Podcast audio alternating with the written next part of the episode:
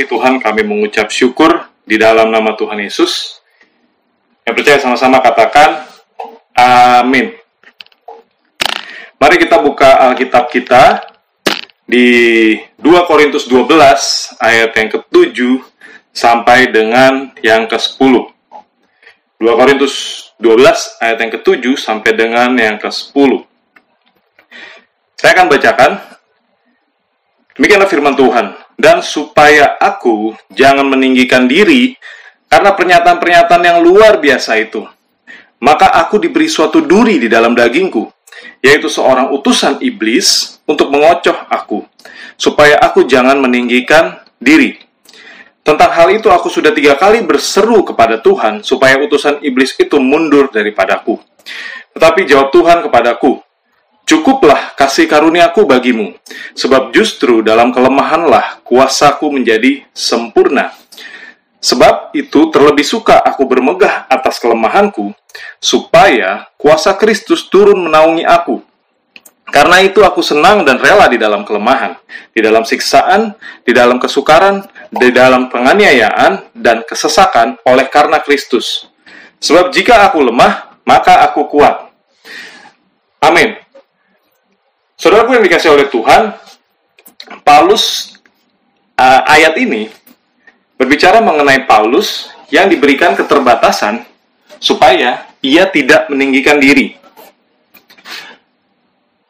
Paulus berbicara mengenai kelemahan yang membatasi atau mengganggu hidupnya.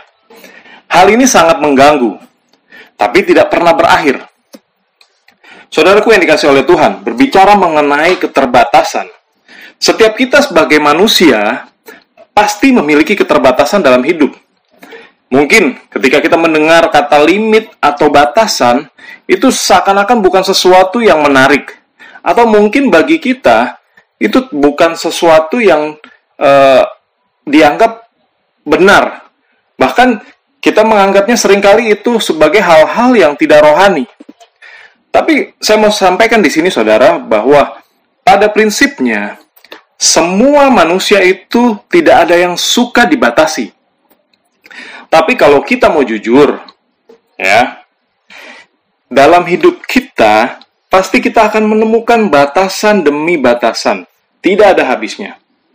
Contoh-contoh, siapa di sini yang nggak punya kelemahan? Angkat tangan.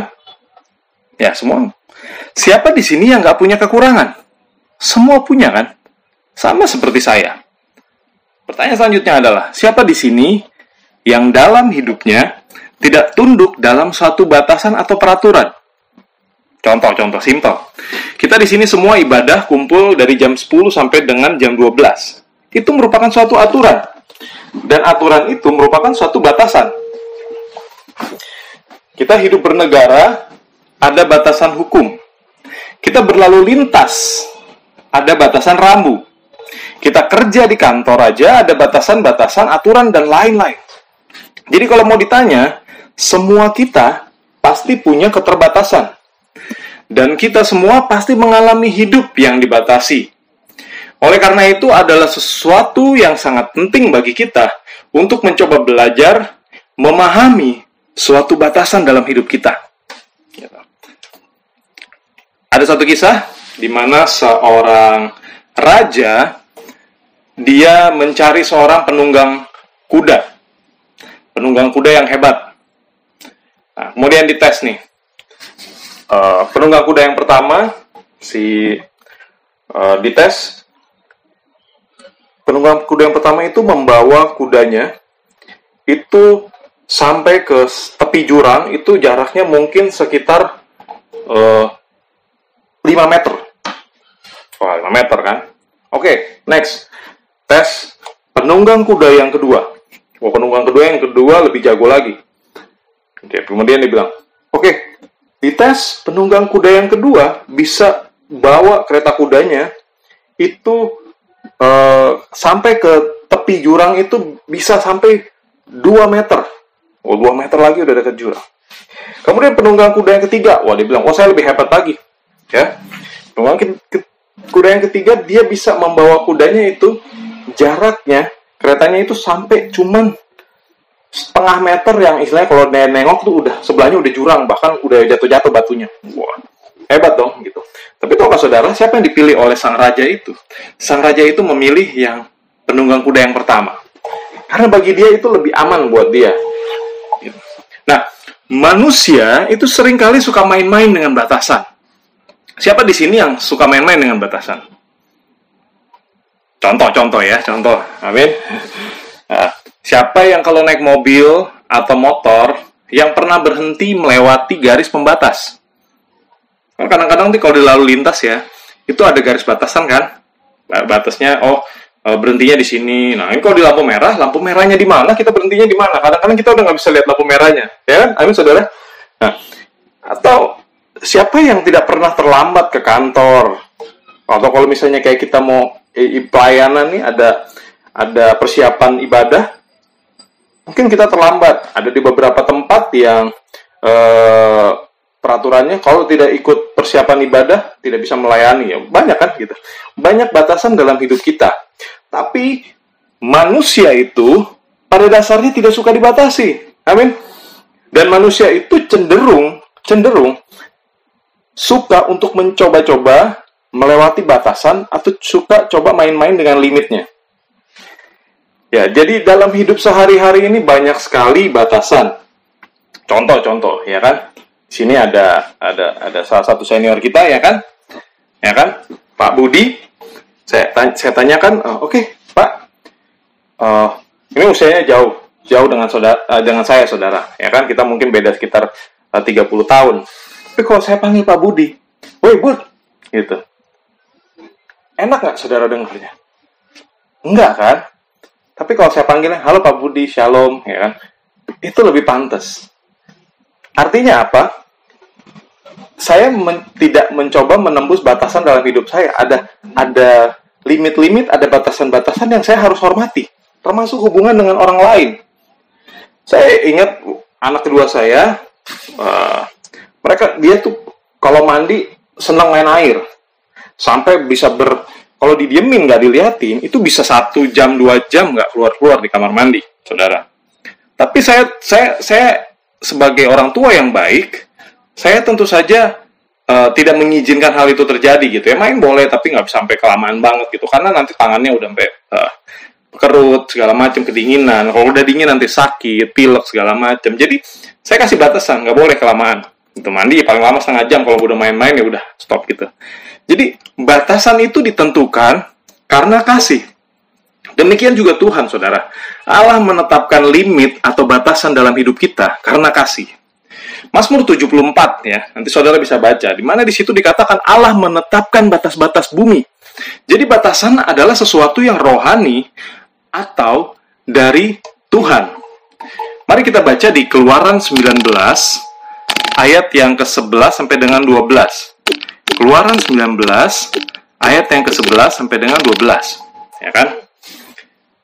Oke, saya bacakan. Menjelang hari ketiga, mereka harus bersiap, sebab pada hari ketiga Tuhan akan turun di depan mata seluruh bangsa itu di Gunung Sinai. Sebab itu, haruslah engkau memasang batas bagi bangsa itu berkeliling, sambil berkata, Jagalah baik-baik, jangan kamu mendaki gunung itu, atau kena kepada kakinya. Sebab siapa pun yang kena kepada gunung itu, pastilah ia dihukum mati. Saudaraku, eh, Tuhan menetapkan batasan supaya manusia tidak mati. Artinya apa? Batasan merupakan kasih.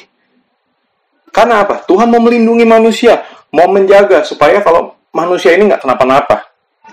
Nah, suatu ketika saudara, Daud membawa tabut Allah untuk dipindahkan ke Yerusalem. Ya, mungkin saudara ada yang udah dengar ceritanya. Kemudian dalam perjalanan kereta yang membawa tabut itu, kemudian kereta itu tergelincir. Kemudian Alkitab mencatat, ya kan, ada yang namanya Uza. Uza itu berusaha menjamah tabut itu, berusaha menolong supaya tidak tergelincir. Tapi kemudian Uza malah mati. Nah, hal ini menunjukkan ada batasan sikap kita kepada Tuhan. Mungkin saudara bingung, wah Tuhan kok jahat banget ya. Ini kok biar tabut Tuhan nggak kenapa-napa malah mati gitu. Nah, saudara, Usa ini adalah ya kalau kita baca uh, latarnya, Usa ini adalah anak imam. Jadi tabut Allah ini sebelumnya sudah ada di rumahnya dalam waktu yang cukup lama. Mungkin karena saking lamanya, jadi ia terbiasa lihat tabut Allah ini. Mungkin ya, bagi kita, karena kita udah kelamaan dan biasa lihat hadirat Allah, jadi sering kali kita berasa biasa-biasa aja. Tapi saudara harus bisa bedakan, ada beda antara keintiman dan kebiasaan. Yang ada juga kalau karena kebiasaan, yang ada malah jadi kebablasan. Kalau kita pelajari lebih dalam lagi, Uza dari namanya itu berarti strength atau kekuatan manusia. Hal ini berarti juga bahwa manusia sering menggunakan kekuatannya untuk mengatasi keterbatasannya. Padahal firman Tuhan udah jelas bahwa untuk membawa tabut Allah itu ada aturannya. Ada jaraknya. Nggak boleh terlalu jauh, nggak boleh terlalu dekat. Ya kan? Sama juga dengan kita yang melayani di mimbar sebagai imam, saya sebagai pembicara, sebagai uh, preacher, ada juga yang uh, melayani worship leader, singer gitu. Nah, sering kali kita juga terjebak dengan upaya membawa hadirat Allah, tapi dengan kekuatan kita. Nah, ini bahaya, saudara. Kita sering kali mau punya upaya untuk membawa hadirat Allah dengan skill, dengan pengalaman, ya kan, dengan kemampuan kita, dengan kekuatan kita. Dan yang bahaya adalah kita mencoba membawa hadirat Allah tanpa kekudusan. Katakan amin. Dan itu tanpa disadari adalah upaya kita untuk melewati batas yang ditetapkan Allah. Saudaraku, kasih tidak sembarangan. Jadi yang bicara namanya kasih itu bukan berarti kebablasan. Kebablasan itu bukanlah ciri dari orang yang dipenuhi oleh Roh Kudus. Ketika kita memberikan sesuatu yang milik kita atau korban, maka itu kasih. Saya ingat anak saya yang pertama, ya kan dia punya celengan, dia tabung-tabung, tabung-tabung, ya kan kalau dikasih sama sama opanya dia masukin celengan, dia dikasih sama saya dia masukin celengan, dikasih pokoknya dia punya celengan gitu. Satu ketika tiba-tiba uh, saya dengan istri saya lagi diskusi sesuatu, ya, oh kita lagi mau beli ini, tapi kita uh, kayaknya uangnya masih kurang nih kayak gitu ya. Kita lagi diskusi aja. Kemudian anak saya yang kedua ini dengar. Eh anak saya yang pertama ini dengar. Terus dia bilang apa? Papi kalau uang papi masih kurang ini bisa pakai uang saya. Oh memang ada uang? Aku ada celengan. Papi boleh pak pakai. Gitu. Saudara dengar dengar itu saya langsung hati saya hancur seorang anak bisa memberikan apa yang merupakan persediaannya dia bagi bapaknya gitu. Dia memberikan sesuatu korban, sesuatu yang merupakan milik dia. Kenapa? Karena dia mengasihi saya. Gitu. Nah, balik lagi tentang batasan, saudara. Tuhan juga menghormati dan menjaga batasan terhadap kita. Tuhan tuh nggak semena-mena, Tuhan tuh tidak memaksa kita kasih Tuhan tanpa batas. Amin. Oleh karena itu, Tuhan menetapkan batasan untuk kita, dan jika kita mengasihi Tuhan, maka kita harus menuruti perintahnya. Itulah batasan itu. Nah, eh, di Jumat Agung kemarin, ya, kita sudah memperingati kematian Tuhan di atas kayu salib. Yesus sebagai Tuhan membatasi dirinya demi keselamatan kita. Bisa aja kalau pas mau disalib ya gitu, Tuhan mengerahkan kekuatannya, ya kan? Oh, tapi Tuhan tidak mau melakukan itu. Kenapa? Dia membatasi dirinya karena dia tahu dia harus menebus saudara dan saya. Dia harus menyelamatkan seisi dunia ini. Didasari oleh apa? Karena kasih. Alkitab berisi tentang pekerjaan Allah yang tidak terbatas bagi manusia. Tapi Alkitab bagi manusia sebenarnya merupakan sebuah batasan. Contoh, 10 perintah Allah itu merupakan batasan. Amin. Ya kan? Janganlah ini, janganlah ini, itu semua batasan. Saya ingat uh, di kantor saya dulu, ada satu staf saya yang suka banget melanggar batasan yang saya tetapkan. Kita masuknya jam 8, dia datangnya jam 10. Lebih siang dari bosnya, lebih siang dari pemiliknya. Kemudian kita pulangnya jam 5, dia, dia tengah 5 udah siap-siap. Gitu. Terus banyak batasan-batasan, harusnya pas misalnya ada deadline, dia selesaikan, tiba-tiba dia nggak masuk. Jadi dari sisi uh, performance, dari sisi aturan-aturan banyak sekali yang dilanggar. Ya kan, akhirnya saya tegur gitu. Bahkan uh, tentu saja sebagai seorang pemimpin kita harus bertindak tegas. Tegas itu bukan karena membenci personal personal orang itu, tapi mem, kita mendidik karena kalau kita, nanti dia kerja di tempat lain atau misalnya gimana, nanti itu akan e, merusak hidup dia gitu. Jadi when you break the rule, there always be a consequences. Ba banyak sekali batasan dalam hidup kita. Ada batasan dalam hubungan, dalam relationship. Ada batasan fisik, ada batasan hukum. Umur kita, saudara, itu aja ada batasnya. Nah, batasan yang Allah tetapkan itu adalah kasih. Kasih itu adalah protection, adalah perlindungan. Kadang kasih itu bukan selalu memberikan ke kebebasan atau memerdekakan kita.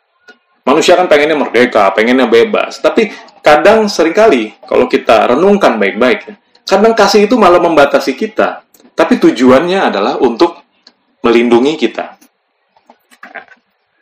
Eh, suatu waktu saya ada kebutuhan ya kebutuhan dana yang cukup lumayan gitu saya ingat eh, kemudian ya biasa kan hari gini semua tiba-tiba eh, penawaran-penawaran SMS SMS telepon-telepon nawarin apa kredit-kredit itu banyak gitu. Nawarin KTA akhirnya saya dari awalnya saya nggak pernah mau ngambil saya coba mulai berpikir berpikir gitu. Habis itu saya respon saya ah boleh deh saya coba segala macem gitu. Tapi saya hitung-hitung sebenarnya bunganya gede banget. Yang saya pikir-pikir mungkin kalau saya sabar dulu saya tahan-tahan uh, nabung dikit-dikit mungkin itu lebih baik buat saya gitu ya kan ini waktu zaman saya masih kerja dulu gitu. Kemudian udah akhirnya saya ikutin prosesnya bla bla bla udah disurvey segala macem. Saya udah ya udah deh. Tapi saya doa Tuhan ini oh, masa sih saya harus ngambil ginian? Gitu kan. Ya wajar dong kita juga doa gitu. Terus uh, singkat cerita akhirnya pengajuan saya itu ditolak saudara. Tidak digolkan. Tapi saya bersyukur Tuhan membatasi saya supaya saya tidak terjerumus ke dalam hal-hal atau ikatan atau hutang-hutang yang lebih besar lagi. Problemnya adalah gini, Masalahnya manusia tuh sering main-main dengan batasan. Dia udah punya hutang satu, dia tertekan, harus bayar, dia gali lagi utang berikutnya. Gali lubang, tutup lubang terus-terusan. Gitu. Nah, kita semua hari ini yang melakukan hal demikian, mari kita bertobat sama-sama. Amin. Gitu. Batasan itu mengasihi, sebenarnya bertujuan untuk mengasihi kita.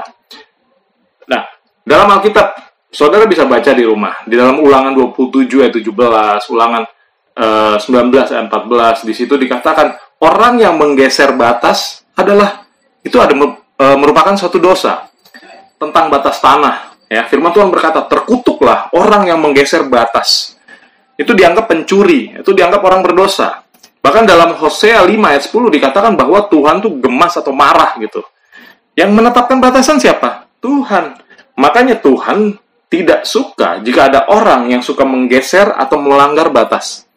Orang ya, orang durhaka itu melanggar batas, Saudara. Hubungan sesama jenis itu adalah suatu uh, batasan yang di, dilanggar. Dosa adalah sesuatu yang di luar batas. Mari kita renungkan dalam diri kita, Saudara. Batasan apa yang kita geser dalam hidup kita? Apakah batasan dalam hubungan dengan Tuhan atau batasan dalam pernikahan atau batasan dalam kekudusan? Atau mungkin batasan dalam berbisnis atau kejujuran. Mari kita renungkan sama-sama. Adakah batasan-batasan yang kita langgar dalam kehidupan kita? Contoh-contoh dalam Alkitab mengenai batasan ini sangat banyak, uh, saudara. Jadi, uh, Saul, mungkin saudara pernah dengar, Saul di Alkitab tercatat bahwa ia melawan batas keimaman. Ya, suatu waktu bangsa Israel hendak berperang, kemudian biasa mereka uh, ketika mau berperang pasti uh, imam waktu itu Samuel dia harus uh, mempersembahkan ya ada ada ada ada hal-hal yang harus dilakukan oleh yang yang cuma bisa dilakukan oleh imam atau nabi yang ditunjuk. Pada saat itu Samuel sebagai hakim, dia sebagai imam gitu. Nah, tapi Saul nunggu-nunggu, waduh nggak datang-datang nih, sedangkan kita udah mau perang nih, Samuel nih telat nih gitu. Akhirnya Saul dengan dengan beraninya, ya udah deh, biar saya yang gantiin imamnya. Padahal dia raja, dia bukan imam. Gitu. Alasannya apa? Alasannya rohani, saudara. Dia bilang, iya, ini kan kita uh, ter, uh, Samuel terlambat, jadi saya mau nolongin nih gitu. Dan saudara tahu akhirnya apa? Akhirnya sejak saat itu Alkitab mencatat bahwa Tuhan tidak berkenan lagi kepada Saul. Karena Saul melanggar batasan itu. Dan akhirnya Tuhan mencari seorang yang berkenan di hatinya, yaitu Daud. Bahkan Samuel ketika Samuel datang, Samuel marah. Aduh, bilang ke Saul, lu ngapain? Macem-macem, coba nekat-nekat banget melanggar batasan ini. Saul bilang, dengan alasan yang rohani. Oh, maksudnya kan gini. Sama aja saudara kayak kita korupsi, kita curi uang di mana-mana, kemudian kita bawa ke gereja, kita sumbang buat bangun gereja. Kita bilang, Tuhan, ini kan ya saya pakai uangnya juga buat bangun gereja, saudara. Sama juga dengan batasan-batasan yang di kisah lain, di mana uh, Saul di situ dikatakan uh, ketika menang perang atau mungkin kita baca di uh, cerita-cerita uh, tentang bangsa bangsa Israel di mana mereka tuh nggak boleh bawa rampasannya. Mereka nggak boleh bawa hasil-hasil rampasan. Semua itu harus dimusnahkan. Tapi kemudian Saul uh, dengan alasan-alasan rohani dia bilang oh ini kan uh, ini sayang nih lembunya bagus. Kita mau mempersembahkan buat Tuhan segala macam. Tapi ingat saudara Tuhan sudah bilang jangan langgar batasan itu. Kemudian Bicara mengenai Salomo, siapa yang tidak tahu Salomo, raja yang sangat luar biasa, ia memiliki hikmat, kekayaan di era Salomo itu sangat tidak ada tandingannya. Tapi kemudian Salomo melanggar batasan batasan uh, peraturan raja yang sudah ditentukan Tuhan dalam hal istri, kuda dan pasukan perang. Di, di uh, Alkitab sebelumnya di Firman Allah sudah dikatakan bahwa seorang raja tidak boleh memiliki banyak istri, banyak kuda, pasukan perang, tapi Salomo melanggar hal itu, sehingga akhirnya apa? Ia jatuh. Salah satu contoh yang tahu benar-benar mengenai batasan adalah Daud. Daud adalah seorang yang dibilang sempurna juga enggak, karena dia juga jatuh dalam dosa. Tapi Daud sangat mengerti batasan. Sehingga contohnya ia tidak berani menjamah Saul ada momen-momen beberapa kali di mana Daud sebenarnya bisa membunuh Saul. Ketika ia membunuh Saul, itu masalahnya selesai. Ya kan, masalahnya selesai dengan seketika. Tiga kali di situ dikatakan kita mencatat. Tapi Daud menjab apa mencoba menjamah Saul aja dia tidak berani. Karena bagi Daud, Saul ini diurapi oleh Tuhan, bukan hakku untuk membunuh dia. Biarkan nanti itu urusannya dengan Tuhan, gitu. Akhirnya apa? Memang uh, Saul itu pun akhirnya mati dan kerajaan itu jatuh kepada Daud. Tapi Daud tidak berdosa dalam hal ini. Ia menunggu waktu yang terbaik daripada Tuhan. Sampai benar-benar Tuhan memberikan kerajaan itu kepadanya. Tapi berbeda dengan anak-anak Daud, Absalom, Adonia, mereka melanggar batasan. Sehingga akhirnya apa? Mereka mati, mereka coba memberontak, mereka coba bisa dibilang menjamah seseorang yang diurapi Tuhan, yaitu ayahnya sendiri. Mereka memberontak. Mereka bikin persepakatan-persepakatan. Akhirnya apa? Mereka mati. Istri Lot melanggar batasan yang ditentukan Tuhan. Ya kan? Sehingga akhirnya apa? Menjadi tiang garam. Malaikat menyelamatkan Lot dan keluarganya.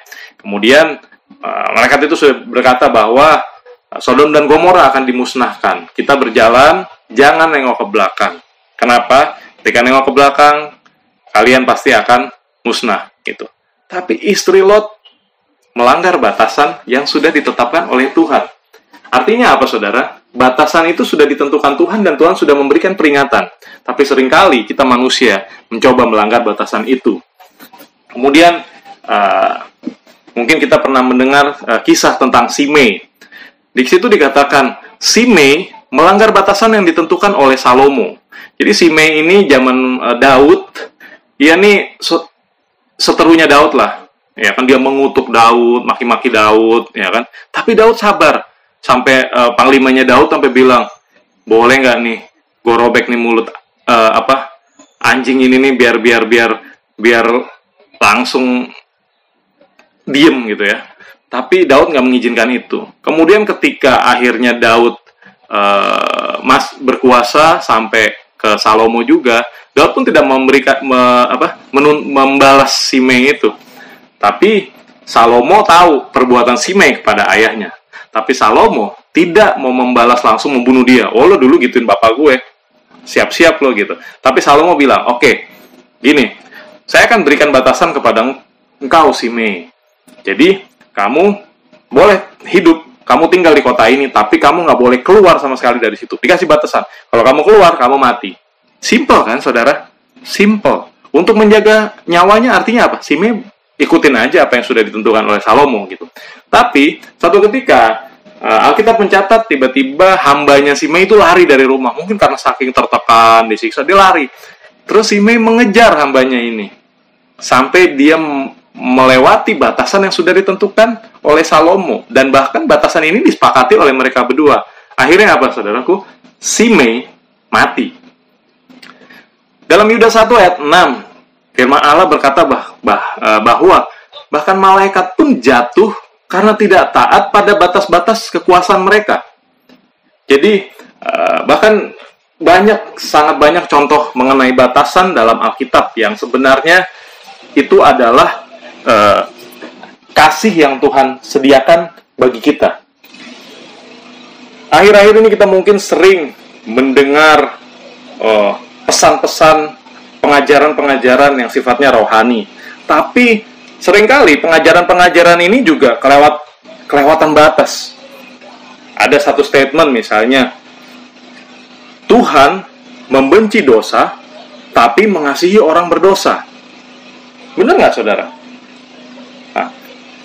statement ini seakan-akan kelihatannya sih sebenarnya rohani, ya kan? Tapi sebenarnya ini punya makna yang kelewatan batas. Contohnya uh, statement ini sebenarnya digunakan supaya orang tuh bisa tinggal dalam dosa dan terus bersalah di dalam Tuhan. Oh, nggak apa-apa gue berdosa. Atau Tuhan mengasihi orang berdosa, bro. Ya Tuhan membenci dosa. Yes, dosanya doang yang dibenci. Tapi kita orang berdosa mah Tuhan kasihi. Kalau gitu gue nyolong aja terus. Kalau gitu gue nyuri aja, gue zina aja, ya kan? Tetap aja. Tuhan kan datang buat kita, buat orang berdosa. Nah ini ini adalah salah satu contoh pesan rohani yang kelewatan batas, yang tidak benar. Ini adalah upaya untuk hidup tanpa pertobatan, dan ini merupakan satu statement legalisme terhadap dosa. Hati-hati, saudara. Artinya bisa kita artikan kayak tadi saya sampaikan, oh Tuhan berarti mengasihi pencuri, Tuhan mengasihi penzina, Tuhan pembuat. Charles Finley berkata, bilang-bilang uh, demikian. Karena kalau kita berkata demikian, sama saja Tuhan mengasihi penjina, Tuhan mengasihi koruptor, Tuhan mengasihi perampok gitu. Padahal Alkitab ya kan berkata bahwa uh, di Alkitab tercatat bahwa Tuhan berkata, "Pergilah daripadaku pembuat kejahatan." Artinya apa? Orang berdosa itu nggak akan pernah dapat tempat dalam kerajaan sorga. Artinya, kita harus benar-benar bertobat. Gitu kan? Nah, padahal kan Alkitab nggak pernah bilang itu, gitu. Yang benar adalah, ya kan, Tuhan membenci dosa, tapi mengasihi manusia apa pun kondisinya. Selama manusia mau bertobat. Itu. Tapi kalau manusia terus uh, mencoba melanggar batasan-batasan itu, Tuhan sudah tentukan kalau kalau kalau kita tidak meresponi Tuhan, tidak tidak berbalik dari jalan yang jahat, ya kan? Ya kita akan terus hidup menuju pada uh, pada kehancuran, pada kebinasaan. Amin. Oke, kesimpulannya uh, hari ini adalah yang pertama, batasan merupakan berkat karena batasan melindungi kita. Tuhan itu tidak terbatas, tapi kita manusia terbatas. Dan batasan itu Tuhan izinkan atau ciptakan karena Allah mengasihi kita, yaitu untuk menjaga kita. Jadi bisa disimpulkan bahwa batasan merupakan berkat untuk kita. Tahukah saudara bahwa sering kali keterbatasan yang ada malah membuat kita jadi berhasil, membuat kita jadi lebih kreatif. Bahkan yang lebih indah adalah keterbatasan yang ada membuat kita semakin mengandalkan Tuhan. dan membuat kuasa Tuhan semakin nyata dalam hidup kita. Amin. Contoh, ketika saya lagi cari parkir, ya kan, pas lagi kosong, malah sering kali malah malah jadi galau kan, oh, makin banyaknya kosong jadi bingung parkirnya gimana, jadi nggak rata gitu. Tapi yang e, kalau kadang-kala kalau parkirnya lagi penuh, tiba-tiba kita ketemu satu slot, itu lebih gampang untuk parkir. Karena apa pun yang ada akan kita ambil dan kita akan lebih mengucap syukur untuk itu. Jadi, Allah memberikan batasan dalam hidup kita untuk menunjukkan kasihnya yang tidak terbatas. Tuhan bahkan pakai keledai untuk membatasi Bileam untuk menolongnya supaya ia tidak jatuh. Bilangan 22 ayat 30 di situ ya, saudara bisa baca. Bisa saya simpulkan bahwa Tuhan menetapkan atau menempatkan lingkungan yang mungkin sering kali kita anggap tuh cenderung berseberangan dengan kita atau membatasi kita. Seringkali itu sebenarnya untuk melindungi kita ini kenapa sih ini orang kepo banget nanyain gue hari ini udah saat teduh apa enggak gitu pemimpin macam apa gitu udahlah nggak usah rempong gitu. Ya sering kali kan kita gitu, kita gitu kan. Tapi lingkungan yang seakan-akan bagi kita nih berseberangan dengan kita atau terlalu membatasi kita Tuhan percayakan Tuhan tempatkan itu sebenarnya karena untuk melindungi kita. Amin. Jadi mindset kita ini harus dirubah. Kita harus melihat batasan sebagai suatu berkat. Kita harus bisa mencoba memahami segala batasan yang Tuhan berikan dalam hidup kita. Gitu. Saudara tahu kisah tentang Gideon. Gideon dibatasi tentaranya oleh Tuhan. Dari 30 ribu, saudara, tinggal 300. Sedangkan dia harus melawan musuhnya, tentaranya itu sekitar 450 ribu. Tapi apa? Dengan batasan yang di, dikasih oleh Tuhan, menang 300 lawan 450 ribu, ketika menang rasanya beda, lebih menghargai Tuhan dibanding kalau misalnya uh, pasukannya seimbang. Logiknya yang udah main. Amin. Mari kita renungkan, saudara. Settingan awal Allah terhadap manusia dari awal sudah ada batasannya. Saudara baca di kejadian 2. Jadi sebelum manusia jatuh dalam dosa saja, udah ada batasan mengenai buah yang terlarang. Tuhan udah bilang, oh ini buah yang ini, yang posisi di tengah-tengah itu, tidak boleh kamu makan. Sejak manusia pertama diciptakan, Tuhan sudah menetapkan batasan. Artinya apa? Memang Tuhan menempatkan batasan-batasan itu untuk melindungi kita. Ketika manusia jatuh dalam dosa pun, kasih Allah sangatlah besar bagi manusia melalui penebusan anaknya yang tunggal, yaitu Yesus Kristus. Bagaimana jika manusia tidak jatuh dalam dosa? Kasih Tuhan, batasan bertujuan untuk disiplin, supaya ada keteraturan. Ini melalui tuntunan Roh Kudus. Dan kemudian batasan itu berbicara mengenai berkat atau bagian pusaka yang Tuhan berikan kepada kita. Dan kemudian batasan berbicara mengenai pemisahan antara yang kudus dan tidak kudus ada batas.